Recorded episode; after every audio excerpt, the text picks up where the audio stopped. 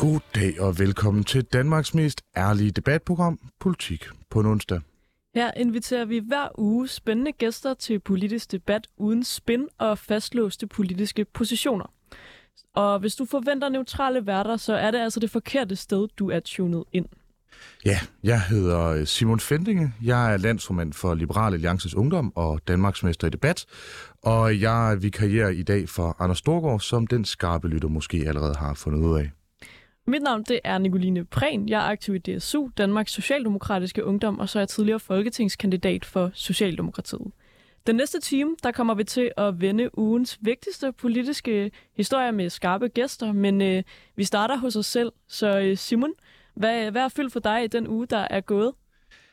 Jamen, øh, noget af det, der har fyldt for mig, øh, man skal jo altid starte med sådan øh, nogle lidt halvnichede ting.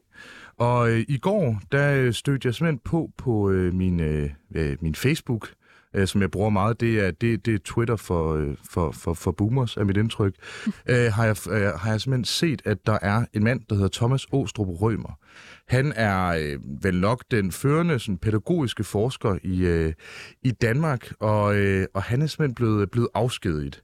Og her snakker man simpelthen om, at der er tale om en politisk fyring, og det er jo noget, som taler lidt ind i det, som øh, mange af dem på Københavns Universitet og så videre er, er gået op i, nemlig politiske fyringer, hvilket kan være et lille problem øh, til, øh, til lytteren, der måske ikke kender Thomas Åstrup Rømer, så er han den eneste øh, ifølge ham selv og andre, øh, sådan nominelt konservativt liberale øh, på øh, Danmarks øh, Pædagogiske øh, Universitet. Og det synes jeg er øh, et en, en lille smule ærgerlig udvikling øh, lige nu. Øh, det er det sådan set øh, til enhver tid.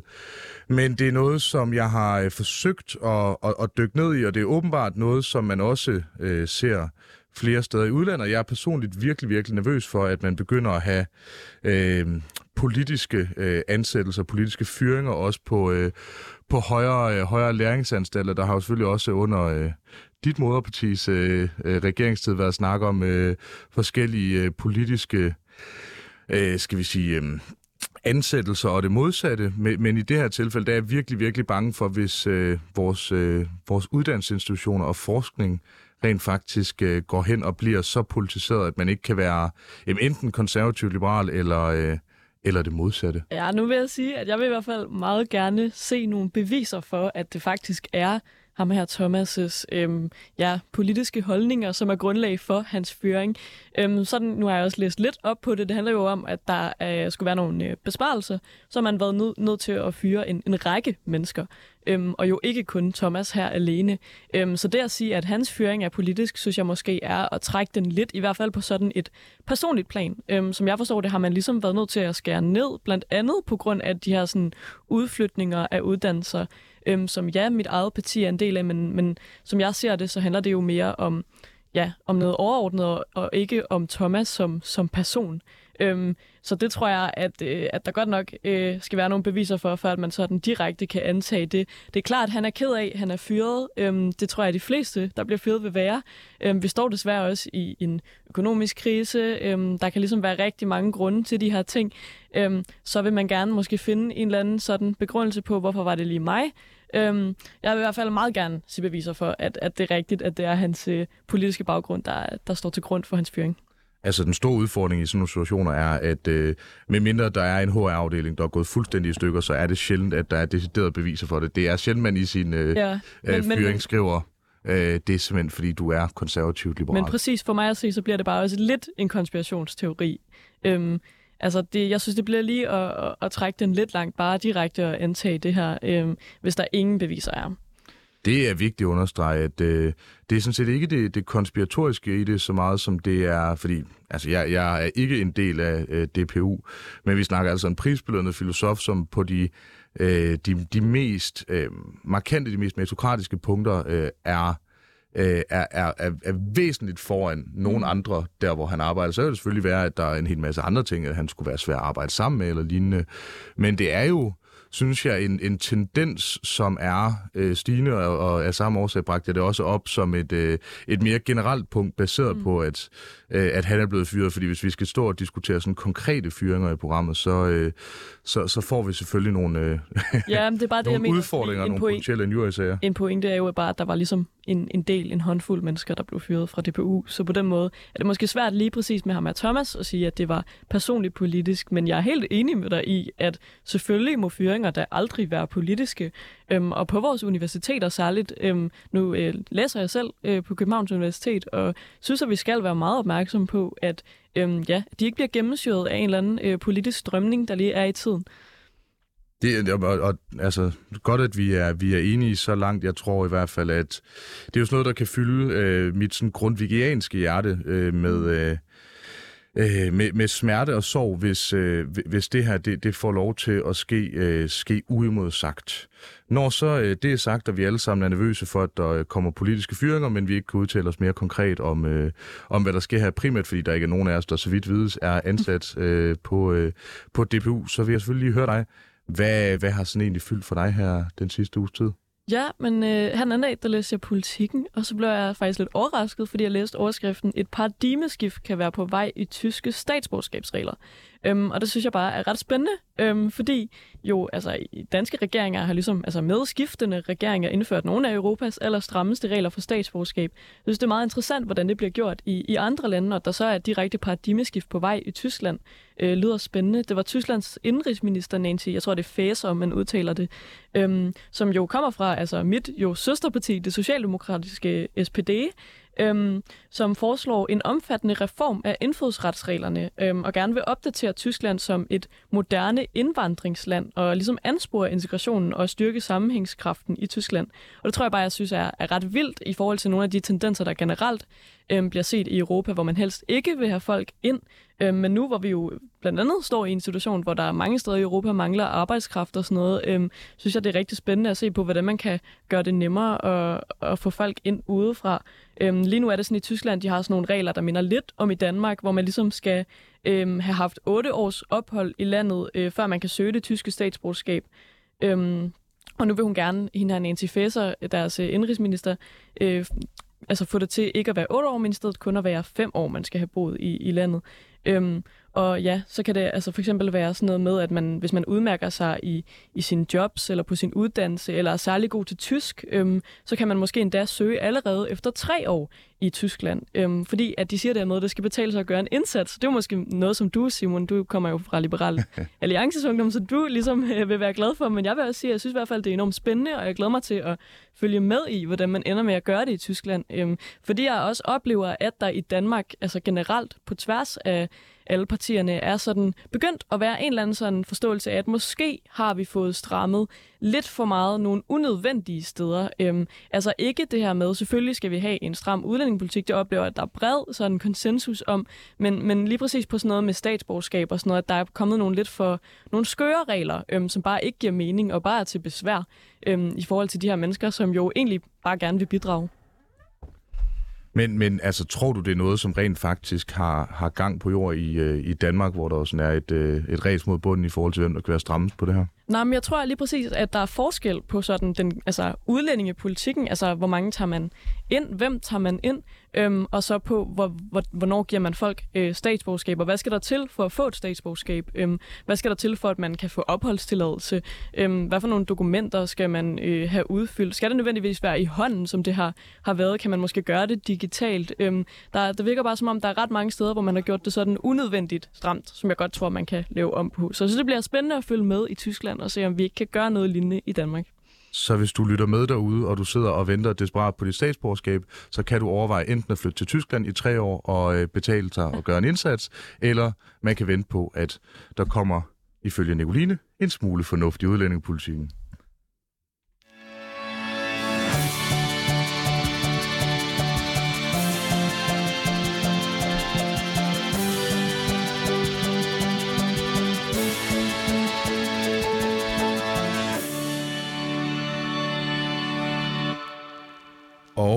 Skal vi til at byde velkommen til vores gæster. Vi har simpelthen fået øh, to høje, flotte mænd i, øh, i studiet. Øh, det, det havde vi ikke indtil da.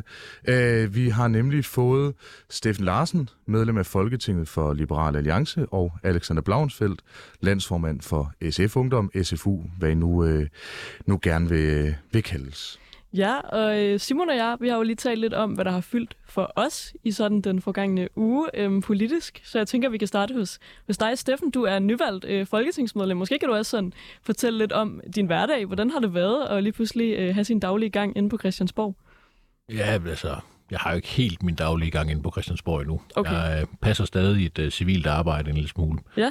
Man kan ikke bare øh, øh, sådan stoppe med at arbejde fra den ene dag til den anden nødvendigvis, øh, bare fordi man er blevet valgt til Folketinget.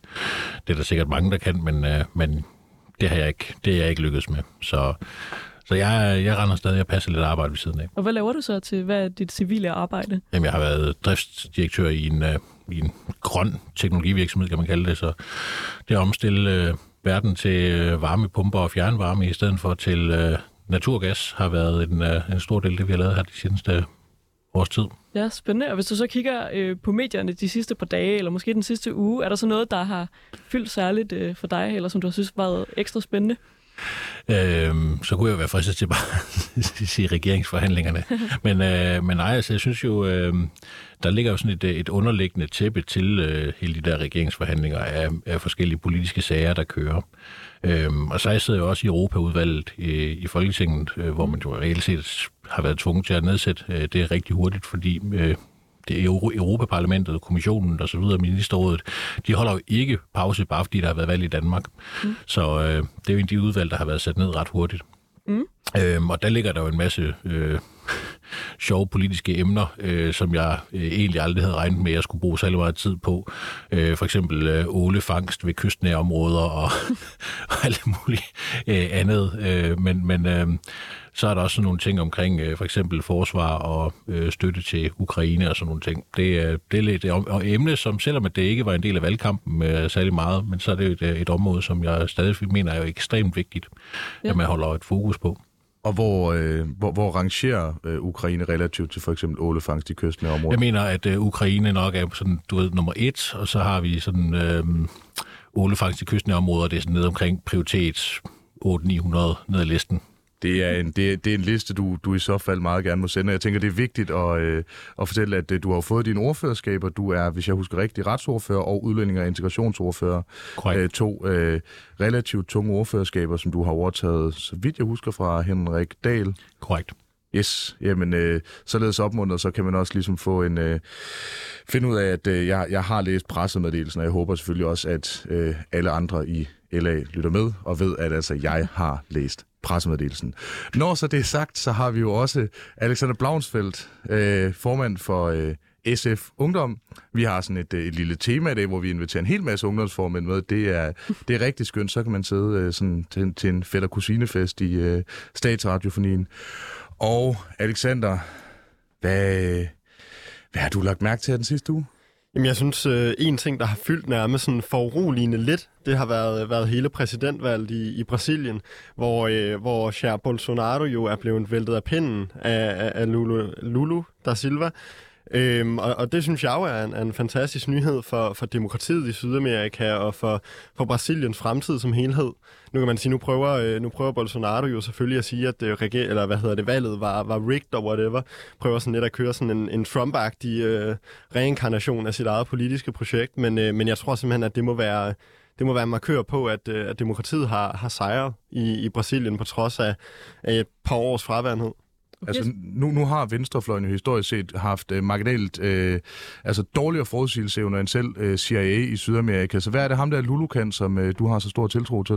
Jamen, Jeg tror, det er jo det her med, at han, han både har samlet folk omkring sådan et politisk anti-Bolsonaro-projekt, øhm, og samtidig også, altså hans kampagne har jo været, meget, har jo været kørt meget på, på demokrati øh, som helhed, og, og derfor ser jeg ham jo også meget som, som et tilvalg af demokratiet, netop fordi det var det, kampagnen kørte på, frem for, for Bolsonaro, der jo kørt på, på flere våben, oprustning blandt folket, og, og mere sådan, hvad kan man sige, public insurrection mod, øh, mod statsmagten. Okay, fordi jeg har faktisk også, jeg har også fulgt lidt med i det valg, og jeg tror, jeg er også glad for, at de ligesom er kommet af med Bolsonaro endelig. Øhm, især fordi han jo også har stået for ligesom at ville fælde store dele af regnskoven og så videre, som jeg tænker, vi er ret mange på tværs af sådan politiske skæld, der, der er glade for. Kan du ikke være lidt nervøs for, Alexander, at øh, deres nye præsident alligevel måske er lidt tanden for socialistisk, og lidt, lidt længere ude på den sådan ekstremistiske fløj, end, end du selv som SF'er er det? Nej, men det ved jeg ikke. Jeg tror også, altså det handler om, at man har to alternativer, og så må man jo, øh, så må man jo tage, øh, hvad kan man sige, øh, når den, altså jeg, jeg, jeg ved egentlig ikke, jeg synes meget, altså meget af det, han er gået til valg på, har jo været demokratiet som helhed, og så selvfølgelig også det her med, at man skal stoppe med at fælde regnskov og sådan nogle ting. Så jeg tror også, jeg ser det lidt som, som de bærende dele af hans kampagne, der nok også kommer til at gøre, hvad kan man sige, den bærende del af hans regeringsperiode. Han har jo også været præsident i, så vidt jeg ved, 8 eller 9 år før, øhm, inden han jo så blev, øh, blev fældet for nogle korruptionssager, som så viser sig ikke at være helt reelle, øhm, og som nok mere lignede noget, noget politisk forfølgelse. Så, øhm, så jeg tror, øh, jeg, jeg tror i hvert fald, at det er markant bedre end alternativet. Du står herovre, Steffen, og siger, hold Ja, ja, op. det må jeg Altså, sige. Det, jamen det, som jeg forstår det, så er der faktisk noget på nogle af de der korruptionssager. Øh, en hel del af dem endda. Men øh, det, det ved jeg ikke. Det, det, jeg tror i hvert fald ikke, at man skal regne med, at øh, Lula han er ren. Det, øh, det vil være ligesom at sige, at Rolf han var ren. Og, øh, og et, øh, udover at øh, det, det i hvert fald er, er, det, der hedder, øh, nogen vil sige en udladelsessynd, eller i hvert fald confirmation bias, øh, Alexander, og mene, at øh, de anklager, der har været mod øh, Lulu, øh, det, er, øh, det, det er politisk forfølgelse, men anklagerne mod, øh, mod alle de andre skønne, skønne brasilianske og meget demokratiske politikere har været, øh, har været fuldstændig øh, valide. Øh, men, men du siger, Hans, det, altså demokrati og lade være med at fælde regnskovene, øh, det der med at lade være med at fælde regnskovene, er enig i, fed idé. Øh, men, men det der med at stille op på demokrati, har han andet i sit partiprogram, eller er hans drøm egentlig bare at sidde og være sådan, nu, nu skal vi sørge for, at folk kan stemme om tingene? Nej, det er jo klart, at han, han vil jo nok, øh, hvad kan man sige, videreføre den politik, som, øh, som han førte op igennem øh, nullerne, som førte til, til en del velstand i Brasilien, og som løftede en del mennesker ud af, ud af fattigdom. Det håber jeg da i hvert fald på. Øhm, og så tror jeg også i forhold til det her med, med de her korruptionsanklager, de skulle være valide nok. Altså han blev jo frikendt efter, øh, efter et par år. Øhm, så, så man kan sige, så må man jo stole lidt, om ikke andet, på, på, på hvad kan man sige, den domstol, som jo så har, har frikendt ham igen øh, fra de anklager. Absolut. Jeg tror, min uh, tiltro til, og det er ikke kun uh, brasilianske politikere, det er generelt en, uh, en sådan bred vifte af sydamerikanske politikere, som generelt set har haft en tendens til at have et syn på loven, som selv Stein Bakker vil sige var en, en lille smule sløjt. Ja, det, Jamen, derfor kan man jo godt være glad for forandringer, vil jeg sige. Selvom øh, det måske ikke er, bliver til det perfekte, så måske til det bedre. Ja, man må, altså man må også se på, hvad han, hvad han tidligere har præsteret i hans præsidentperioder. Øh, og der har han jo trods alt løftet ekstremt mange mennesker ud af meget ekstrem fattigdom. Absolut, og jeg vil til enhver tid også hellere bide sig en hugorm end en pytter, men der er ikke nogen af delene, jeg gerne vil have ud, øh, altså sådan fra et blank slate perspektiv. Så må du få, få Alex til at stille op. Øh, Jeg vil heller ikke bide sig Alex, øh, vil jeg bare lige have, have anført, og jeg tror ikke, Alex må stille op i Brasilien, men Alex, hvis du lytter med, det er værd at overveje.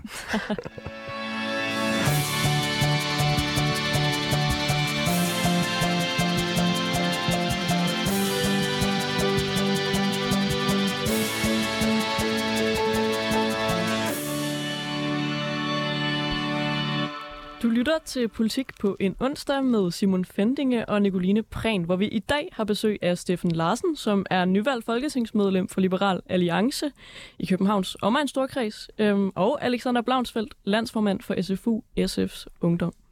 Og i fredags, der kunne man på forsiden af Avisen Information læse, at uligheden sætter rekord i Danmark. Nye tal viser nemlig, at Gini-koefficienten, det er et mål for ulighed, er på det højeste niveau i 35 år. Ja, og den her Gini-koefficient, det er altså det mest udbredte værktøj til at måle ulighed. Jo større Gini-koefficienten er, jo mere ulige er fordelingen.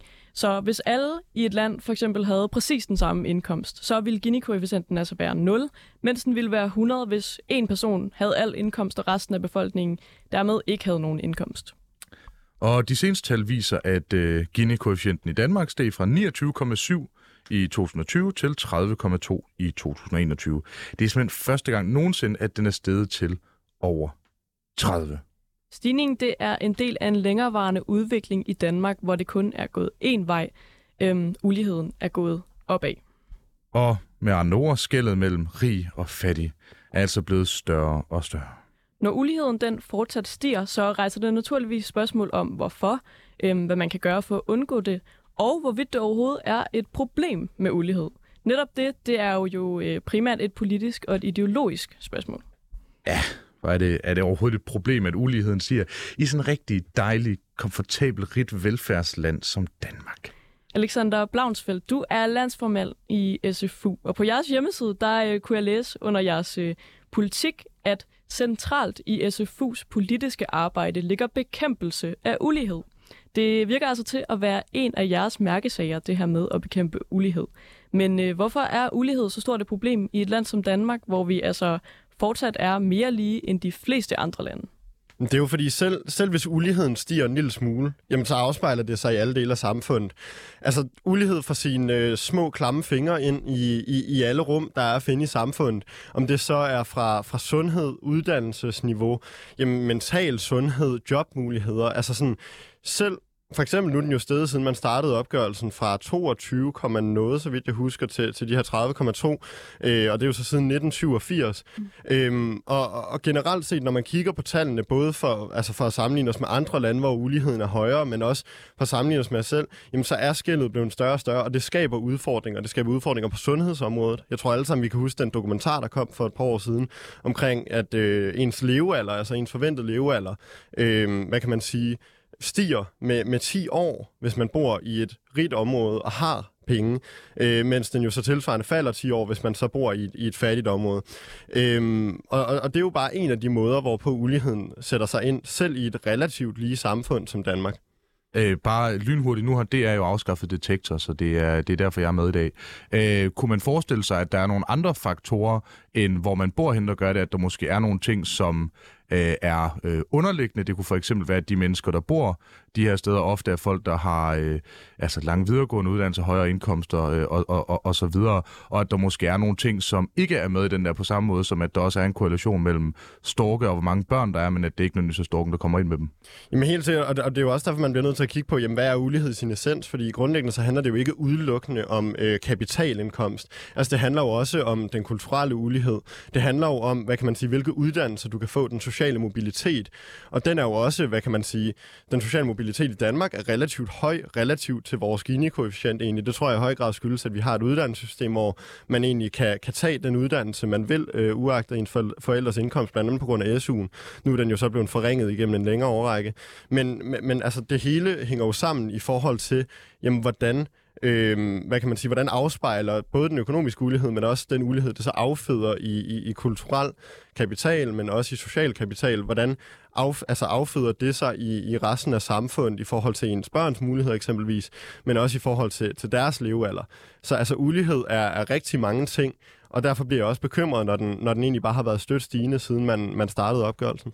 Ja, hvis vi så springer over til dig, Steffen Larsen, nyvalgt medlem af Folketinget for Liberal Alliance. I øh, jeres øh, valgkamp i Liberal Alliance, der kører I meget på det her slogan med sådan noget, øh, du kan godt selv. Øhm, for mig, så lyder det nok lidt øh, som noget, øh, hvor man ikke går så meget op i måske at hjælpe nogle af dem, der, der har det sværest. Øhm, hvad, hvad tænker du? Er du enig med, med Alexander i, at uligheden er et problem, og at vi skal bekæmpe uligheden? Øhm, hvordan får du, at øh, du kan godt selv til at være, at man ikke skulle hjælpe dem, der har det sværest? Hele ideen med, at man kan hjælpe sig selv, er jo, at hvis ikke man kan hjælpe sig selv, så har man jo ikke energien eller kræfterne til at hjælpe andre.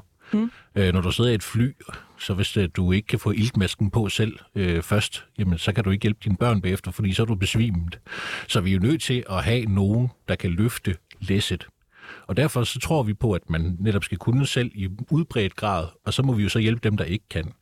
Mm. Øhm, og hvis vi kigger sådan lidt på det her med ulighed. Nu, nu står øh, man herover øh, fra SFU og maler fanden på væggen og siger, at ulighed er sådan et... Øh, en, en, hvordan var det, en klam fætter, der kommer snigende ind. Øh, øh, men altså, ulighed er altså ikke et levende væsen, der har sin egen vilje. Ulighed er en ting, der sker i samfund, når at, øh, der også for eksempel kommer, at, at vi har en større generation af ældre, end vi har en større generation af yngre det påvirker også bare uligheden i sig selv. Fordi hvornår er det, man har en høj indtægt i sit liv? Er det, når man er 18 år og lige kommet ind på arbejdsmarkedet, eller er det, når man er øh, 60 år og på vej øh, næsten ud af arbejdsmarkedet? Jamen, de fleste folk i øh, en høj aldersgruppe, de har en højere indtægt end folk i en ung aldersgruppe. Så alene det er med til at hæve uligheden i samfundet. Men vil vi så sige, at de ældre skal gå ned i løn og have mindre i pensionsopsparing? Nej, det tror jeg ikke, vi vil, fordi det vil også være med til at skade os. Og den anden ting er, jamen de her år, der har aktiemarkedet steget. Det gjorde det også under den blå regering. Der stod hele venstrefløjen og sagde, at det var et kæmpe problem med uligheden steg. Mm. Øh, enhedslisten var et godt eksempel på, at det var meget modbydeligt, og det var altså fordi enhedslisten ikke havde nogen øh, indflydelse. Nu har enhedslisten ifølge sig selv haft utrolig stor indflydelse på den socialdemokratiske regering, men der er det også gået den vej, at uligheden er steget. Men det er også fordi, at pensionsopsparerne har store poster i aktier, og de er ældre. Og det er den store ældre generation, der er på vej på pension nu her. Øh, det er jo en af de der ting, vi har med det demografiske træk, som giver nogle problemer. Jamen, hør, det er jo ikke noget problem, så længe at de også bliver mere velhavende, fordi så kan de jo betale store dele af de udgifter, der kommer til dem også selv. Ja, vi kommer faktisk også til at tale om sådan årsagerne til, hvorfor vi oplever den her ulighed lige nu i de her år, lige om lidt. Men hvis vi holder os til den her debat med sådan, altså er det et mål i sig selv, ligesom at undgå Nej, det er det ikke. Det er det. og det er, det, er, det er jo meget simpelt, ikke? Fordi ulighed... Så jeg er egentlig ligeglad med, om der er høj eller lav ulighed. Det, der er vigtigt for mig, det er sådan helt basalt, om hvordan uligheden opstår. Fordi hvis uligheden opstår via korruption og øh, hvad hedder det, tilsidesættelse af lov og orden og alle mulige andre ting, som man for eksempel ser i Sydamerika, øh, hvor man har en meget højere ulighed, øh, øh, og at uligheden selv under øh, øh, øh Lula ikke øh, øh, faldt, men steg også. Øh, og det kan man selvfølgelig begynde at tale om, hvorfor det kunne være sket. Men altså, øh, der er sådan nogle grundlæggende ting om, at jamen, hør her, så længe uligheden i Danmark ikke er et resultat af korruption eller øh, et misbrug af midler eller alle mulige andre ting, jamen hvorfor er det så et problem, at uligheden stiger, hvis det betyder, at alle bliver rigere, selv de fattigste bliver rigere? Ja, hvis vi så hopper over til dig, Alexander, hvorfor, hvorfor er det et problem, hvis de fattigste også bliver rigere? Jamen altså, pro- problemet bunder jo i, at sådan, i dag er vi nået et, et niveau, altså i, i, i særligt de vestlige lande, hvor, hvor det primært er uligheden, der, der er definerende for for eksempel sundhedsfaktor, for, for mental trivsel og lignende, men også for sådan glæde som helhed som samfund.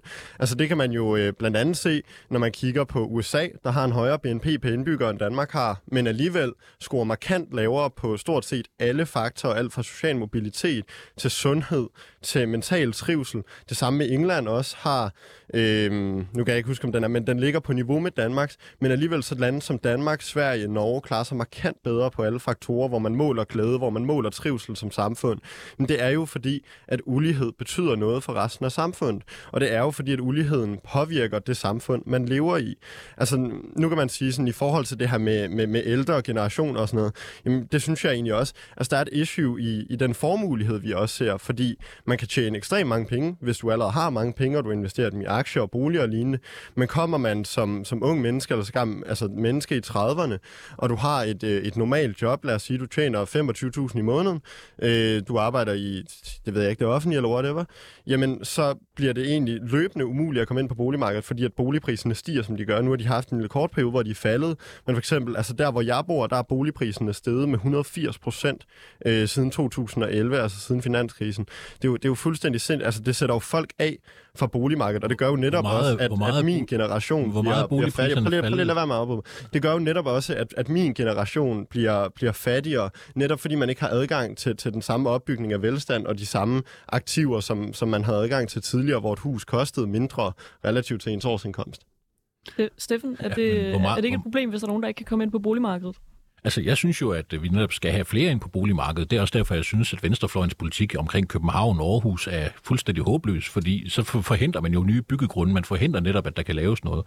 Øh, bygges huse og ejendomme. Og når du øh, laver et marked, hvor der ikke kan komme nye ejendomme, der hvor folk gerne vil bo, jamen så stiger priserne.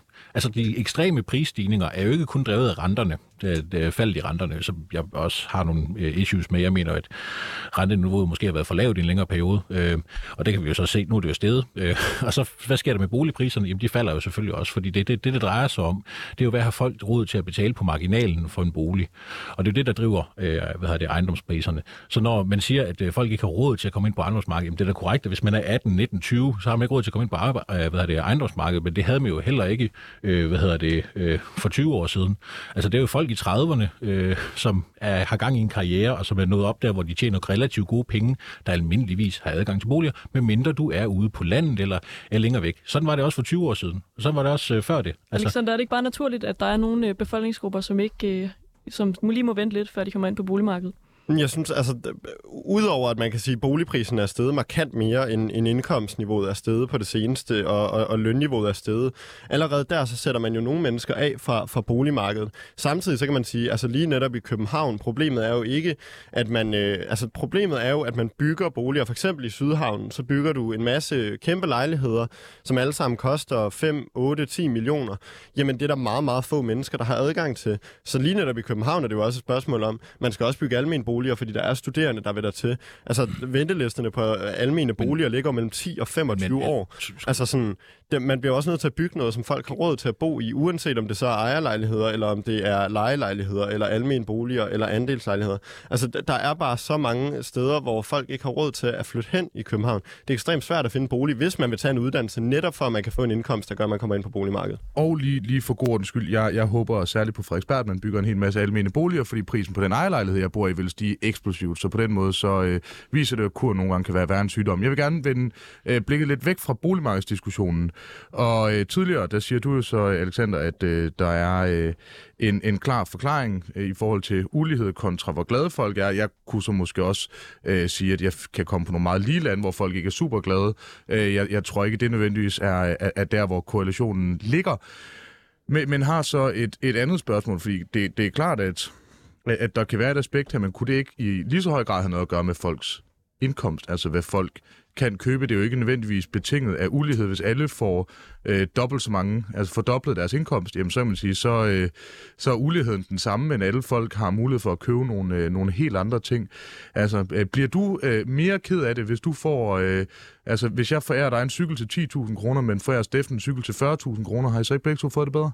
Jamen, i forhold til, til, til hele indkomstniveau-diskussionen, det er jo klart, fik folk, altså fik alle folk fordoblet deres indkomst, jamen så ville inflationen jo så nok også stige, og derved ville købekraften jo så være sådan cirka den samme. Øh, så ville der bare være nogen, der havde øh, fire gange så meget eller dobbelt så meget som dem, øh, hvis, altså, end, end dem, hvor, hvor det hele startede. Men, men de undersøgelser, der er lavet på det, hvor, hvor man reelt altså, sætter, sætter landene op imod hinanden i grafen, nu kan man sige, i Danmark er det jo også umuligt at fordoble indkomst, øh, bare lige sådan der.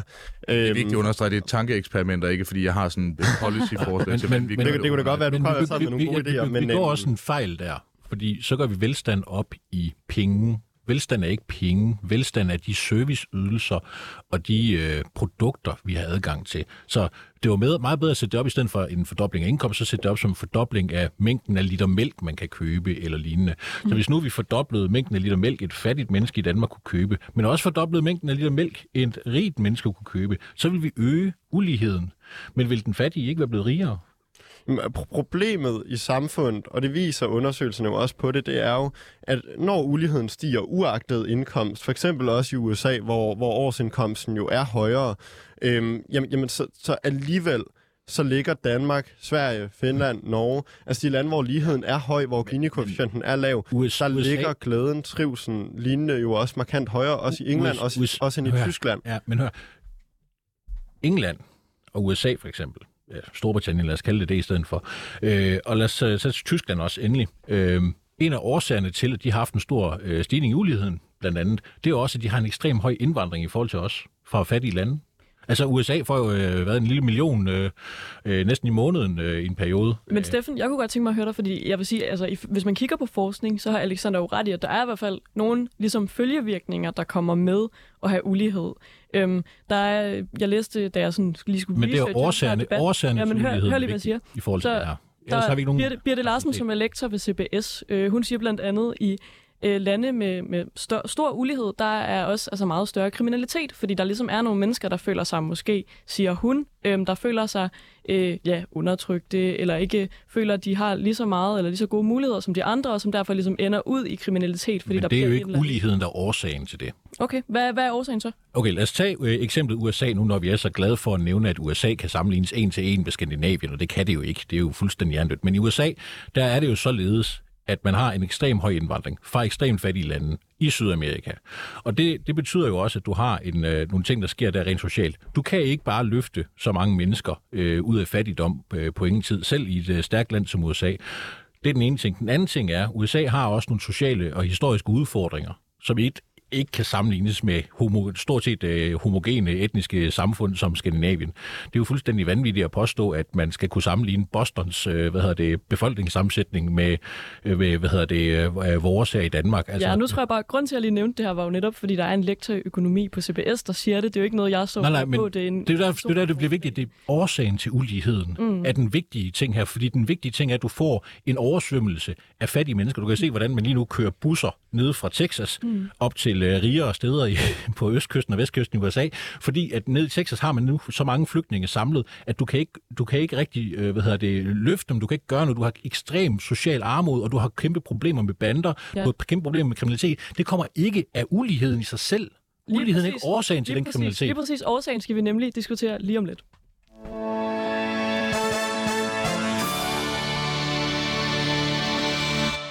Du lytter forhåbentlig stadigvæk til Politik på en onsdag med Nicoline Prehn og Simon Fendike, hvor vi i dag i vores første time har besøg af Steffen Larsen, som er medlem af Folketinget for Liberal Alliance, og Alexander Blaunsfeldt, der er landsformand i SFU, bedre kendt som Socialistisk Folkepartis Ungdom.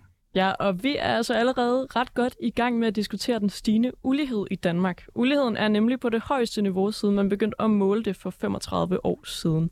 Og årsagerne til den her stigende ulighed er der uenighed om, som vi efterhånden er ved at have fundet ud af.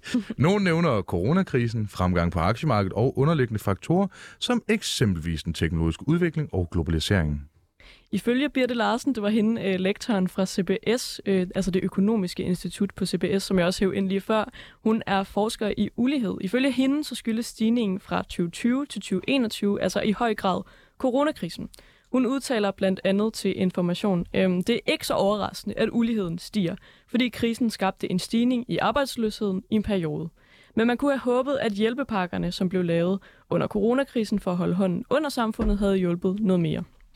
Og cheføkonomen i den økonomiske tænketank Kraka, han hedder Ulrik Bæk, beskriver, at der både er en længerevarende stigning i ulighed og en, som formentlig vil være mere kortvarig. Det vil sige, det er simpelthen på begge sigt.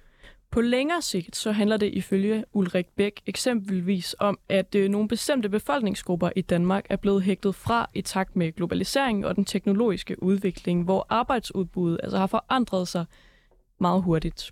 Og på kortere sigt er der nogle mere konkrete tiltag, som måske har ført til udsving af Gini-koefficienten. Det kunne være en ekstraordinær fremgang på aktiemarkedet i særligt 2021, så de, der har de største formuer, har øget dem endnu mere. Man kan selvfølgelig sige, at der, hvis du har din pension i PFA for eksempel, så er det en udvikling, som går drastisk den anden vej. Skynd jer selv, skynd jer selv. Den nu daværende socialdemokratiske regering med sine røde støttepartier havde slået sig op på at ville mindske uligheden i samfundet. Nu øh, har vi jo haft tre år med dem i, øh, i regeringen, men uligheden er alligevel steget. Hvad er der gået galt? Alexander, du er, du er jo SF'er gået fra, når du er landsformand i ja. SFU. Øhm, hvorfor øh, har øh, den øh, røde regering ikke formået at, at gøre det bedre? Hvorfor er uligheden alligevel steget? Jamen, jeg tror sådan, hvis jeg skulle, øh, hvis jeg skulle dele, øh, dele min, øh, mit lille indlæg heroppe i sådan to dele, så skulle, øh, du ved, den første være sådan lidt et forsvar med, at vi har også været igennem øh, flere kriser, og der har været krig og sådan noget. Men jeg tror, øh, altså den anden pointe, jeg gerne vil nævne, er jo også, altså det er jo nærmest som om, man har været øh, fuldstændig allergisk over for forandring i løbet af, af den seneste periode. Man har ikke rigtig været villig til at bruge penge. Nu kan man se med det finanslovsforslag, der lige er kommet, det nåede jo så ikke nogensinde at blive til mere, men der havde du, hvad var det, et forhandlingsrum på 650 millioner. Altså det ville jo svare til, at jeg gik ind til, til min landsledelse med, med, med vores budget og sige, I må øh, rykke på 1.200 kroner. Altså, man kan godt se, der, der, der er lidt sådan en men øh, altså, der har ikke været nogen villighed til at, til at bruge penge, der har ikke været nogen villighed til at omfordele. Øhm, man har også ligesom prøvet en lille smule i, igennem hjælpepakker og inflationshjælp og sådan noget, men, men, men altså man kan sige, at den regulering, man så senere hen præsenterer af, af ydelserne, øh, er jo øh, nærmest øh, til grin. Altså for eksempel i år, der øh, hæves SU'en med 3%, inflationen ligger på 10%. Øhm, så man kan sige, der må man jo så bare tænke sig til, til resten af pengene, og det er jo endda efter, man er begyndt reelt at øh, regulere SU'en, som man gjorde i gamle dage, frem for øh, sidste år, hvor man jo regulerede den efter SU-reformen i 2013. Og øh, nu kunne vi forstå tydeligere, at SFU går, går rigtig meget op i at bekæmpe ulighed. Bare et ja-nej-spørgsmål. Gør SF også det? Ja, det tror jeg. Okay. Er der nogen særlig årsag til, at I så har lavet være med at gøre mere, end hvad tilfældet har, været, har vist sig at være? Jamen, jeg tror, øh, altså, hvis du, øh, hvis du lidt lister ind efter, hvorfor har vi ikke væltet regeringen, øh, jamen, så er det jo simpelthen fordi, at så øh, blev vi jo sådan af, af ren moralske årsager, og at man ikke bare lige kan vælte en regering, nødt til at pege på enten øh, Pape eller Ellemann, eller hvem Blå Blok nu ellers beslutter sig for at skal være statsminister. Øh, og, og det tror jeg vil være et, et markant værre alternativ end øh, Mette Frederiksen. Okay, og der har Mette Frederiksen været god den her gang, nemlig ved at sørge for, at I formentlig slet ikke bliver en del af en regering, I kan vælte. Øh, nu må Ste- vi vente og se. Men hvis vi nu hopper over til, øh, til Steffen, og øh, hvad, hvad, hvis det blev, som øh, Alexander siger, kunne være en mulighed, hvad nu hvis, at, øh, at Liberal Alliance for eksempel havde siddet i Først- regering? Så havde det så set anderledes ud. Først og fremmest må jeg lige nævne, at det der med, at der ikke har været en villighed til at bruge penge. Altså, statsfinanserne er spændt ekstremt hårdt for. Man brugte flere penge under coronakrisen, end man stort set har brugt nogensinde før. Øh, man har øget de offentlige budgetter helt vildt i den periode, og det har været blandt andet gældsfinansieret, og også ved at bruge råderummet stort set op. Så har vi også bare sådan en ting som minkskandalen, der også koster 19 milliarder kroner. Altså, øh, og så sige, at vi havde kun 650 millioner forhandlet for til finanslov. Ja, ja, tak. I havde jo brugt alle pengene og mere til. Altså, man har også lavet det store øh, nationale forlig på, øh, hvad hedder det, forsvarsområdet. Øh, det er jo også lånefinansieret. Der er jo ikke nogen finansiering bagved. Der skal vi ud og øh, sæ- sælge statsobligationer, mit ven. Det, det, det, øh, det, det tror jeg, at øh, jeg, jeg vil påstå, uanset hvordan man lige måler det op, så tror jeg, at det vil man sådan historisk sige, det har været med spenderbukserne på, tingene de er foregået. Det er ikke, fordi vi ikke har brugt penge. øh, Alexander, altså, er der brugt ikke blevet brugt en del penge? Jo, altså det er jo klart, står man i, i en krise eller en krig i Europa, så, så er der nok en villighed fra staten til at bruge flere penge, end, øh, end man ellers behøvede. Nu tror jeg også, altså det er jo, øh, altså nu husker jeg lige tilbage på sådan de seneste par regeringsperioder, og man har jo hverken stået over for en verdensomspændende epidemi eller krig i Europa jo øh, på noget der, været- tidspunkt. Der, der har været finanskrisen i 2008, og altså, jeg synes, der, Jamen, man behøvede jo ikke bruge samme mængde penge på sundhedsvæsenet under finanskrisen eksempelvis. Der blev man jo så bare nødt til at hjælpe en masse banker, som ikke selv var så dygtige til at udstede lån. Men, øh, men i hvert fald, jeg tror også for mig at se, så kunne man jo godt have brugt, øh, brugt nogle flere penge på for eksempel at, øh, at omfordele en smule. Øh, det kunne man jo blandt andet gøre ved at hive, øh, altså nu kan man jo sige, nu står vi med en inflation, så bliver man jo også nødt til at hive noget aktivitet ud af samfundet. Det kunne man jo også gøre på, på de riges bekostning. Altså danskerne flyver som aldrig før. Altså, og det kan man jo så sige, på trods af, at man har præsenteret en meget, meget høj flyafgift på de 13 kroner. øhm, men i hvert fald, altså man kunne jo gøre det ved eksempelvis at prøve at hive noget aktivitet ud af toppen af samfundet, og så give til nogle af dem, som reelt har svært ved at få mad på bordet eller, eller varme i radiatorerne. Det synes jeg måske kunne have været en mere passende tilgang til noget af det her. Men Alexander, øh, er, er problemet ikke netop at, at tage det øh, fra de mennesker, der har mest, og give til dem, der har mindst? Det også hænger sammen med folks forbrugskvoter, og hvis der er noget, der tænder en ild op under inflationen, så er det at give penge til dem, der har mindst. De har øh, ofte en forbrugskvote over en, og det har den øh, lille iboende effekt, at øh, privatforbruget stiger eksplosivt, og det fører en ting med sig, you guessed it, inflation. Men nu må man jo også kigge på, jeg, jeg- jeg var til et meget spændende oplæg i går med, med overvismanden, øh, den økonomiske overvismand, som, øh, som havde sådan en, en, en sjov påpegelse i forhold til inflationen i år. Og det er jo, at, at, at inflationen skyldes øh, sådan cirka, hans, hans estimat 50 procent, øh, hvad kan man sige, importpriserne, øh, og 50 procent energipriserne. Øh, og det er jo ligesom sådan to ting, som det private forbrug ikke øh, rører super meget ved, når det kommer til, at folk de skal have mad på bordet.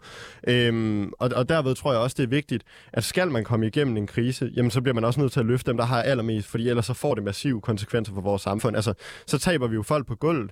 Folk, der jo også, hvis man skal gøre det op i cold hard cash, og så fremtidig arbejdskraft, som man kan risikere at miste fuldstændig på det her, så kan vi stå med en relativt høj øh, ledighed og øh, relativt meget pres på jobcentrene om nogle år, fordi folk er blevet hivet ud af, af, af den sikkerhed, som, som de ellers levede i, på grund af de energipriser, på grund af de boligpriser og, og, og på grund af de madpriser, som vi ser nu her. Så det handler jo også om, generelt set ikke at tabe folk på gulvet. Jeg tror også, hvis jeg skal komme ind på nogle sådan flere årsager til, til, til den ulighed, vi ser i dag, jamen, så har det jo også været, at man altså, siden man begyndte at opgøre uligheden, har slagtet en masse ydelser. Altså, øhm, man har forringet dagpengeperioden, det kan vi jo takke os selv for. Øhm, man, har, øh, skal, man har skåret på dimittentdagpengene, øh, man stoppede reguleringen af SU'en, man har lavet en såkaldt integrationsydelse sågar. Der, altså, der er jo nærmest er så lav, at du ikke engang kan bo hjemme på den. Altså, sådan, der er så mange steder, hvor man ligesom har slagtet øh, ydelserne ret markant, som jo også gør, at, at, at dem, der har allermindst i samfundet, bliver hægtet endnu mere af og tabes endnu mere på gulv. Steffen, er du ikke lidt bange for, at vi hægter dem, der har allermindst af, nu hvor vi øh, jo, som Alexander siger, har fået øh, slagtet nogle af vores ydelser? Er du ikke bange for, at vi taber vi- nogen altså, på gulvet? alle de her reformer har jo medført, at flere er kommet i arbejde også altså, det, er jo en af, det er jo en af de ting, som har været ved de reformer. Det er også derfor, at blandt Socialdemokratiet selv har været med til, at, og SF blandt har stemt for nogle af dem, det er jo, at, at det har medført et højere arbejdsudbud. Det har fået flere folk i arbejde. Øhm, det, det kan man jo selvfølgelig godt stå og, og være irriteret over eller sur over, men det er jo faktisk med til at mindske øh, uligheden, at flere folk øh, de kommer i arbejde, og så får sig en, en indtægt øh, på egen hånd.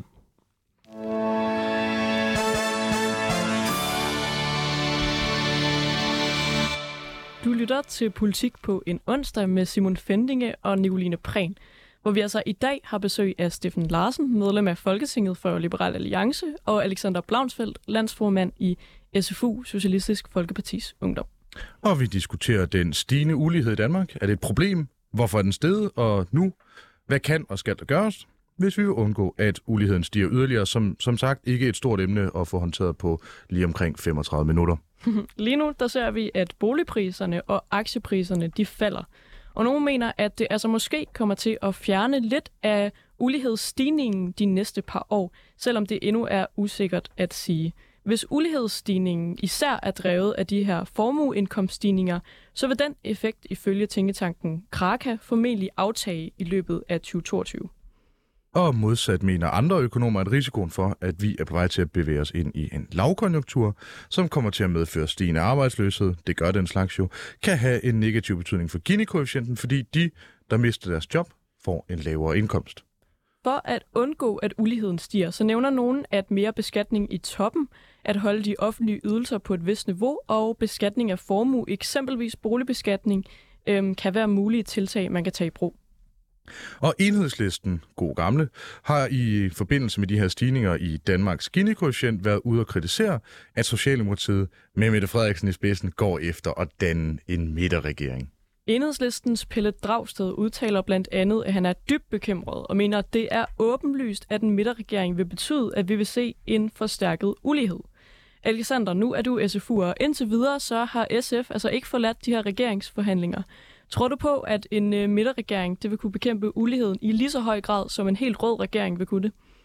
Øh, nej, det, det, det, det tror jeg ikke, den ville kunne. Øh, jeg, jeg, tror, jeg tror, en midterregering øh, vil være... Øh, altså, jeg tror ikke nødvendigvis, at uligheden vil øh, brage op til 50 procent på Gini-koefficienten.